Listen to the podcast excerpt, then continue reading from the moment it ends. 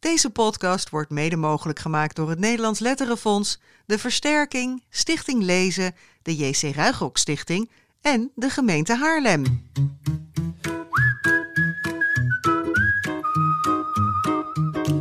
Je luistert naar de 26e aflevering van de Grote Vriendelijke Podcast. En die komt veel eerder online dan we hadden aangekondigd. Dat komt omdat het een extra uitzending is die een poëtische blik werpt op de coronacrisis. Mijn naam is Bas Maliepaard, kinderboekenrecensent van Dagblad Trouw... en natuurlijk ook van de partij Jaap Frieso, die jeugdliteratuur bespreekt op jaapleest.nl. Jaap, hoe is het?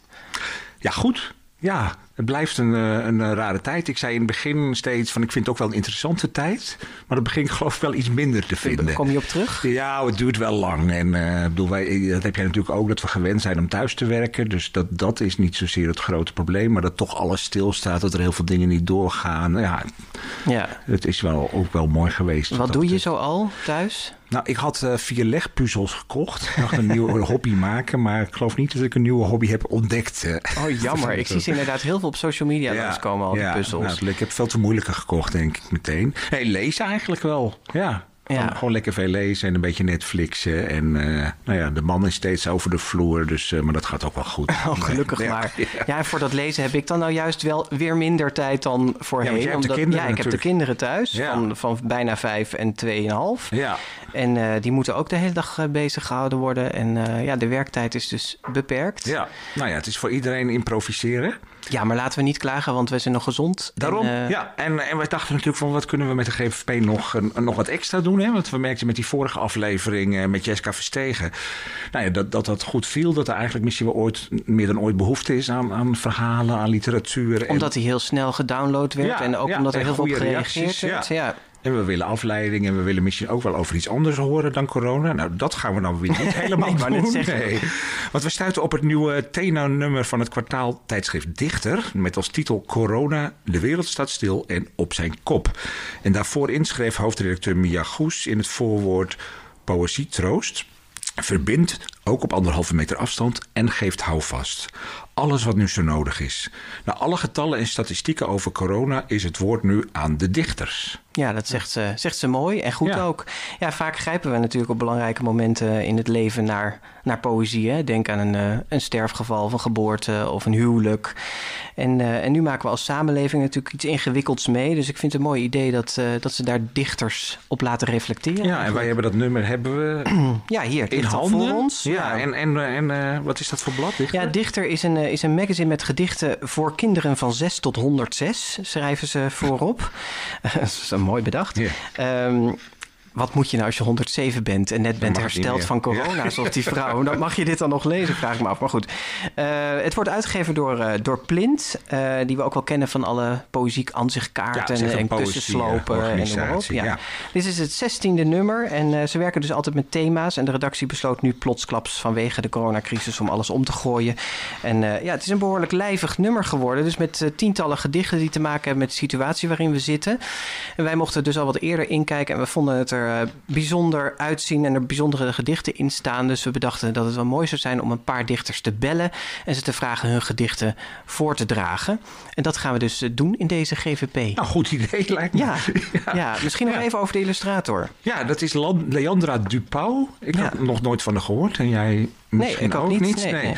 Ik begreep van de redactie dat zij al wat illustraties had gemaakt, maar dat die naadloos eigenlijk in dit nummer past. En dat ze een aantal nieuwe illustraties heeft ge gemaakt. Ze is net afgestudeerd, uh, of nou een paar jaar geleden afgestudeerd aan Kunstacademie Sint-Joost in Breda. Uh, en zij, uh, dan zitten opvallend veel konijnen ja, in ja. haar werk. Ze is fan van konijnen, denk ik. Ja, en, en ze tekent wel, dat staat ook in het blad beschreven, wel over, veel over nou, je, je geborgen voelen. En, en dat past natuurlijk wel heel erg ja, het, bij, het, bij dit thema en ja, bij deze gedichten. Het lijkt alsof het met stift gemaakt is, maar uh, het is digitale stift, heb ik mij laten vertellen. Oh. Uh, dus niet handmatig, maar ze, uh, ja, ze doet er dus blijkbaar wel veel aan om het wel handmatig uit te laten zien. Want het, het, het lijkt echt alsof het met gewone stift gemaakt is. De digitale stift? Het is digitale stift. Dus is dat ja. wel een nieuwe hobby voor mij dan? Oh ja, dat is een goed idee. Nee, maar het zijn allemaal heel huiselijke tafereelen. In bed liggen, op de bank zitten met je konijnensloffen aan, zoals op de voor, voorkant. Maar ook wel een blik naar buiten toe en dan verlaten straten. Uh, wat ook heel erg mooi past bij deze tijd natuurlijk. Ja. ja. En dan weer een konijn. Precies. Nee, ik vond, vond het erg mooi eruit zien. Ik dacht echt, ik hoop dat deze Leandra haar weg gaat vinden naar de jeugdliteratuur. Ja, ja. En, en, achterin vond ik ook nog wel leuk. Het een van de platen als kleurplaat. dat hebben ze bij dit nummer ook nog wat extra gedaan. Wat leuke dingetjes om deze tijd door te komen. En ja. een van de illustraties is als kleurplaat neergezet. Superleuk. Zullen we gaan bellen, ja? Ja. Ja, we gaan bellen. En we bellen als eerste met dichteres Kate Slingeman. Zij zit ook in de redactie van, uh, van Dichter. Hallo Kate. Hallo, hoi. Hoi. hoi. Hey, dit is wel een bijzonder nummer geworden, hè? Uh, ja, dat is het zeker. En uh, uh, ja, het is eigenlijk begonnen met dat na de redactievergadering over het nummer wat dan hierna komt, over geloof, belde Mia mij op en die zei: Ik heb eigenlijk iets ehm, bedacht. iets waar ik gewoon goed in ben. het was op de dag van dat, dat, dat iedereen door heel Nederland zou gaan klappen. En toen zei ze, dat kan ik natuurlijk ook. Ze zei, maar ik doe eigenlijk liever iets waar ik goed in ben. En dat is uh, een poëzietijdschrift maken. Dus uh, zei, ik heb eigenlijk bedacht om, uh, ja, om toch een nummer te gaan maken. Speciaal over uh, gedachten over deze tijd. Met die vreemde dat vreemde virus en, en, hoe dat allemaal moet en hoe het allemaal komt. Ja, mooi idee. Maar dat betekent wel dat het in heel korte tijd allemaal in elkaar gedraaid moest worden, om het zo maar te zeggen. Ja, ja dat klopt. Uh, dat, dat is inderdaad uh, razendsnel gegaan. Bijna net zo snel als het virus. En uh, nou ja, we hebben gelukkig een, een, grote redactie nu. Dus en iedere, iedereen die wou heel graag meewerken. Dus ja. Ja, hey, en Kate, we, we, spreken nu met een paar dichters en we laten jou zo ook even een paar gedichten voorlezen. Maar als je, als je alle gedichten bekijkt, zit er een soort rode draad in voor jouw gevoel? Uh, ja, ik, uh, het, het, valt mij heel erg op dat uh, blijkbaar dichters toch allemaal eigenlijk wel misschien ook wel gewend zijn om al wat in isolatie te werken. Misschien is dat een beetje een rode draad. En, maar dat ze nu ineens vanuit die, ehm, ja, met die blik naar de wereld om zich heen kijken en, en het toch misschien weer anders zien weet niet, er, is iets, er is iets, wel iets bijzonders aan dit nummer. En dat is niet alleen uh, dat het over natuurlijk het coronavirus gaat, maar vooral over um, ja, hoe richt je je tijd in en je ruimte in. Het viel ons uh, eigenlijk ook al op dat het woord corona er niet eens zo vaak in voorkomt. Hè? Is dat te direct voor een dichter? Ik denk het wel, ja. ja. ja je gaat toch uh, meer kijken naar het effect van, uh, of, ja, wat dat betekent voor je, voor je dagelijkse leven en voor je blik naar buiten, naar de wereld. Ja. Had jij meteen inspiratie, eh, Kate? Nou, um, ja, soms vind ik dat heel lastig, juist als het dan zo direct uh, en zo kort is. Maar ja, ik dacht wel. Um, Kijk, dat gedicht op alles voorbereid van mij, dat, uh, ik hoorde het, het, het, lied van Wende uh, Snijders, weet je? Die zangeres op, op, van dat gedicht van Joost Zwageman. Ja, daar moest ik ook erg aan denken. Ja. Altijd bang geweest. Ja. En, en die hele melodie en die hele, ja, dat zat zo in mijn hoofd. En eigenlijk dacht ik, ja, bij mij is het eigenlijk andersom. Ik ben eigenlijk altijd op alles voorbereid geweest of zo. Of, of meer dat gevoel. Ja. En toen dacht ik, dat wil ik eens onderzoeken. Dus het is zeker uh, daarop uh, geïnspireerd. Ja, dus ja, inspiratie genoeg, ja. ik zeggen. Nou, we zullen het even delen in de show notes bij deze aflevering. Zou je het, uh, het gedicht willen voordragen, voordragen Kate? Ja, dat wil ik doen. Op alles voorbereid alles voorbereid was ik. Van zomer terug naar wintertijd. Op andere school en nieuwe vrienden. Af en toe de weg kwijtraken. Op de pijn van anders zijn. Op alles altijd voorbereid. Op climate change en hoogtevrees. Op niet geslaagd of voor het eerst. Op lang verwacht en niet gekomen. Het wereldvreemde, ongewone en vroeger dingen missen op alles voorbereid, dacht ik. Zelfs de meest onaangename schaamte. Maar niet op deze, voor kuchen, hoesten, niezen, dat we zouden moeten kiezen wie we bij ons houden. Minstens anderhalve meter, dat ruimte kan benauwen op afstand van elkaar. Op alles altijd voorbereid geweest. Maar niet dit ongewisse. Hoe lang, wanneer en waar. Ja, Kate, op alles altijd voorbereid. Maar niet op dit dus, niet op dit ongewisse. Ja, ongewis, dat is zo'n woord wat de situatie misschien wel heel kernachtig samenvat, toch? Ja, ja, ja, dat denk ik ook. Ja. Dat is ook wat je eigenlijk uh, steeds, uh, ook als de nieuwsberichten volgen, dat doe ik ook maar steeds minder. Dat, dat beperk ik ook gewoon tot één keer per dag.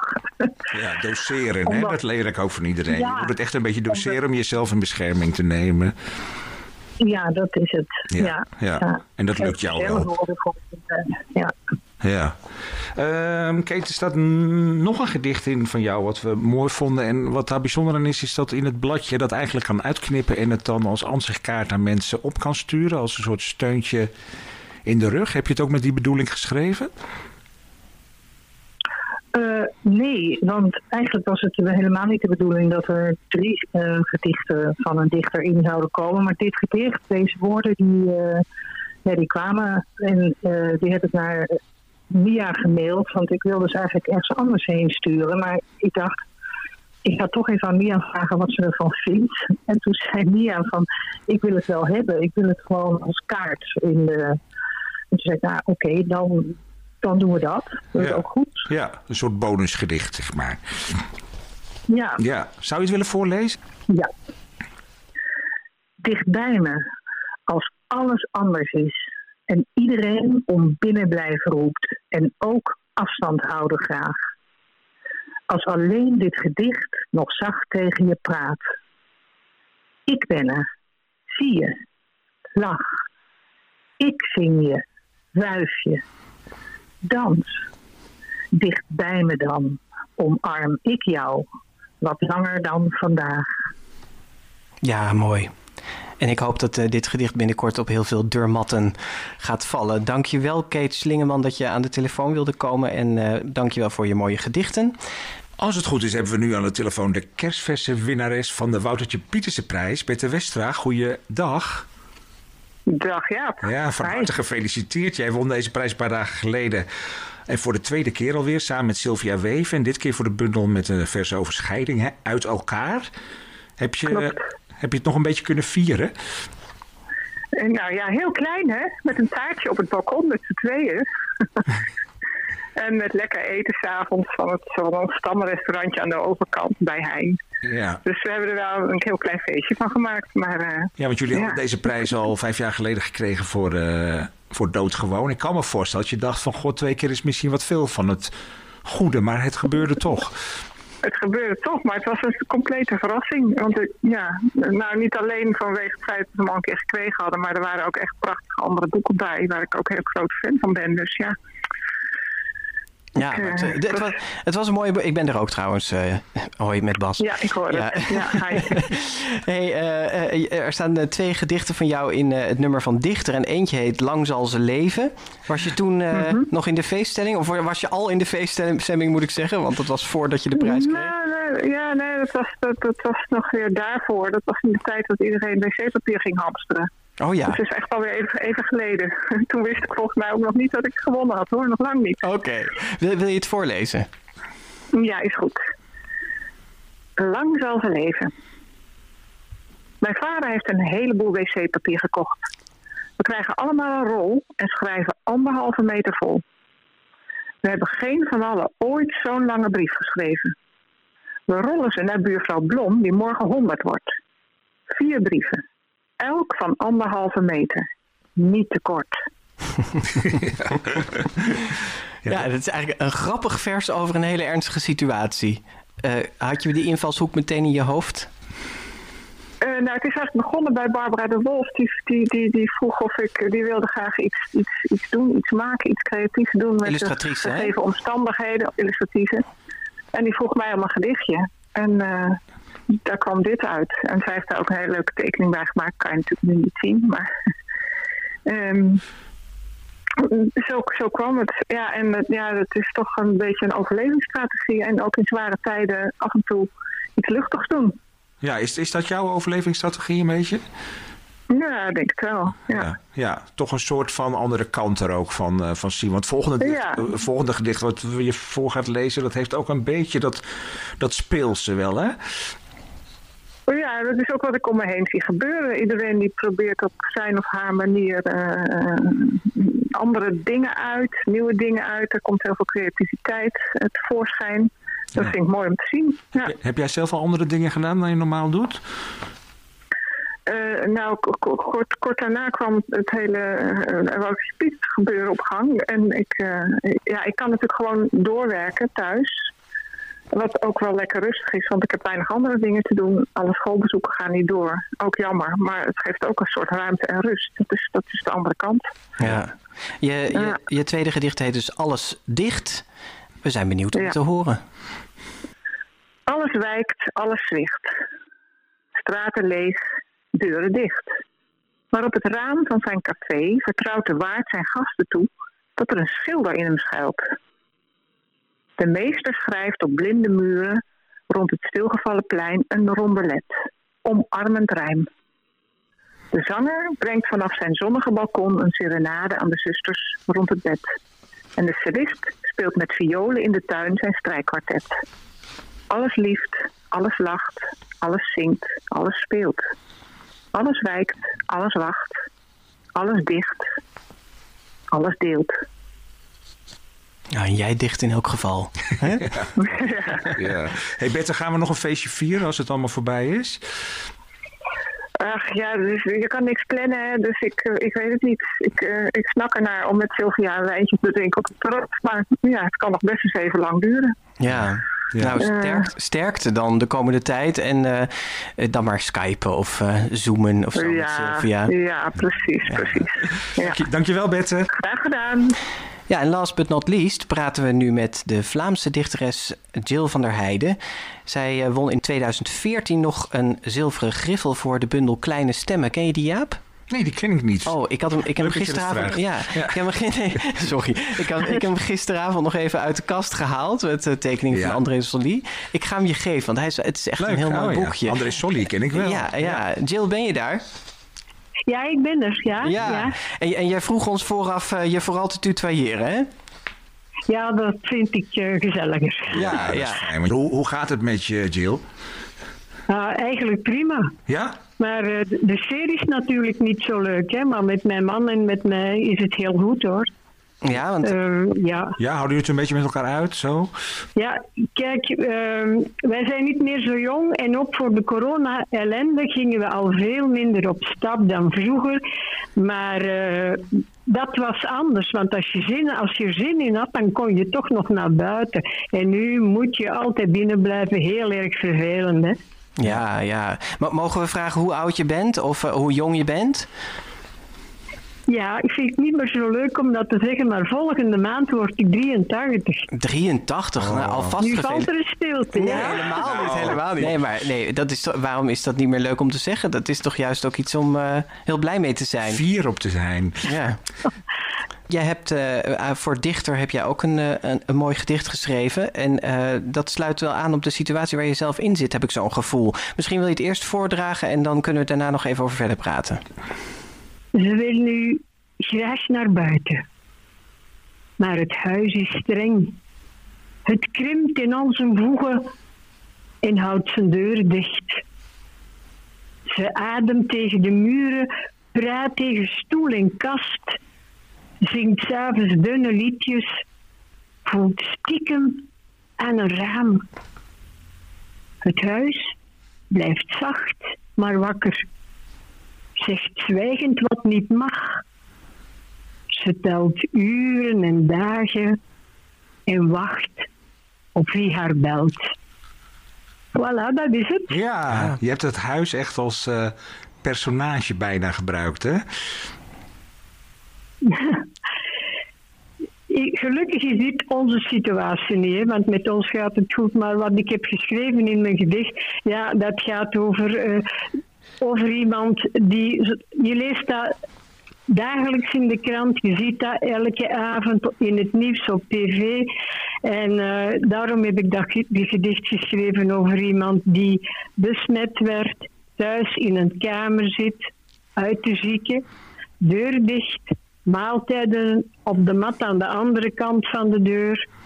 Ik kan me voorstellen hoe triest dat is. Ja. En ik hield het er maar op in mijn gedicht dat ze aan de betere hand is, maar ze mag er nog niet uit. Ja, het krimpt in al zijn voegen het huis. Daar gaat helemaal die, een beetje die claustrofobie van uit, hè? Als je, als je zo opgesloten zit. Ja, ja. Ja, prachtig. Maar van dat gevoel heb jij zelf dus nog geen last, begrijp ik, Jill. Ook al kun je er niet echt op uit. Gelukkig, gelukkig niet. Nee, we hebben een gezellig huis, we hebben een tuintje, we hebben een terras. En ja, daar moeten we het nu maar mee doen, hè? Ja. En je moet dus waarschijnlijk je 83ste verjaardag ook nog in quarantaine vieren, hè? Uh, ik weet niet. Het, het, is helemaal op het einde van de maand mei. Dus wie weet, misschien mogen we dan wel naar buiten. Ja. Of een feestje gaan geven of zo. Hè? Een anderhalve meter afstandfeestje. ja, ja. En anders stellen we het maar uit. Er zijn erger dingen, hè? Ja. Wat, wat, wat vind je zelf uit dit gedicht de, de, de meest gelukte zin, zeg maar? Of de zin waar je heel tevreden mee was toen die in je hoofd kwam? Ik denk het huis, ja, het huis is streng en het krimpt in al zijn voegen. Ja. Het houdt zijn deuren dicht. Het, ze mag er niet uit. Nee, dat huis is echt streng. ja. ja. het huis is natuurlijk de omgeving, hè? Ja. ja andere mensen, hè? Het staat voor iets groters, ja. Mooi, dankjewel uh, Jill van der Heijden. Um, en ook bedankt uh, Bette Westra en Kate Slingeman. Dit was de 26e aflevering van de GVP die geheel in het teken stond van het corona-thema-nummer van het tijdschrift Dichter. We hopen dat we jullie... Uh, luisteraars een beetje troost en afleiding hebben kunnen ja, ik bieden. Vond, ik vond het mooi, Bas. Ja. ja, al die gedichten, het biedt echt wel een beetje troost. Absoluut, ja. Het, uh, het nummer kun je kopen voor jezelf of cadeau doen aan iemand anders via plint.nl. En daar kun je ook een uh, abonnement op het blad afsluiten. En al deze gegevens en meer informatie over de dichters met wie we spraken kun je ook vinden op onze website, degrotevriendelijkepodcast.nl. En dan vinden we reacties natuurlijk altijd heel erg leuk. Via Facebook, Twitter of Instagram. En dat kan volgens mij zelfs via Goodreads. Onder de schuine streep de GV Podcast. Ja, en op 14 april 2020, midden in quarantainetijd, namen we deze aflevering op. Opnieuw dank aan onze technicus uh, Mark Brouwer. Die uh, ook in deze periode zorgt dat we gewoon afleveringen kunnen opnemen. En uh, nou ja, luisteraars. Lees gedichten, lees boeken en houd moed. Houd moed, ja. ja. Wij zijn er over twee weken weer en dan weer gewoon met een reguliere... Nou ja, wat is nog regulier in deze tijd? Maar in ieder geval met een gewone aflevering van de GVP. Tot dan. Tot dan.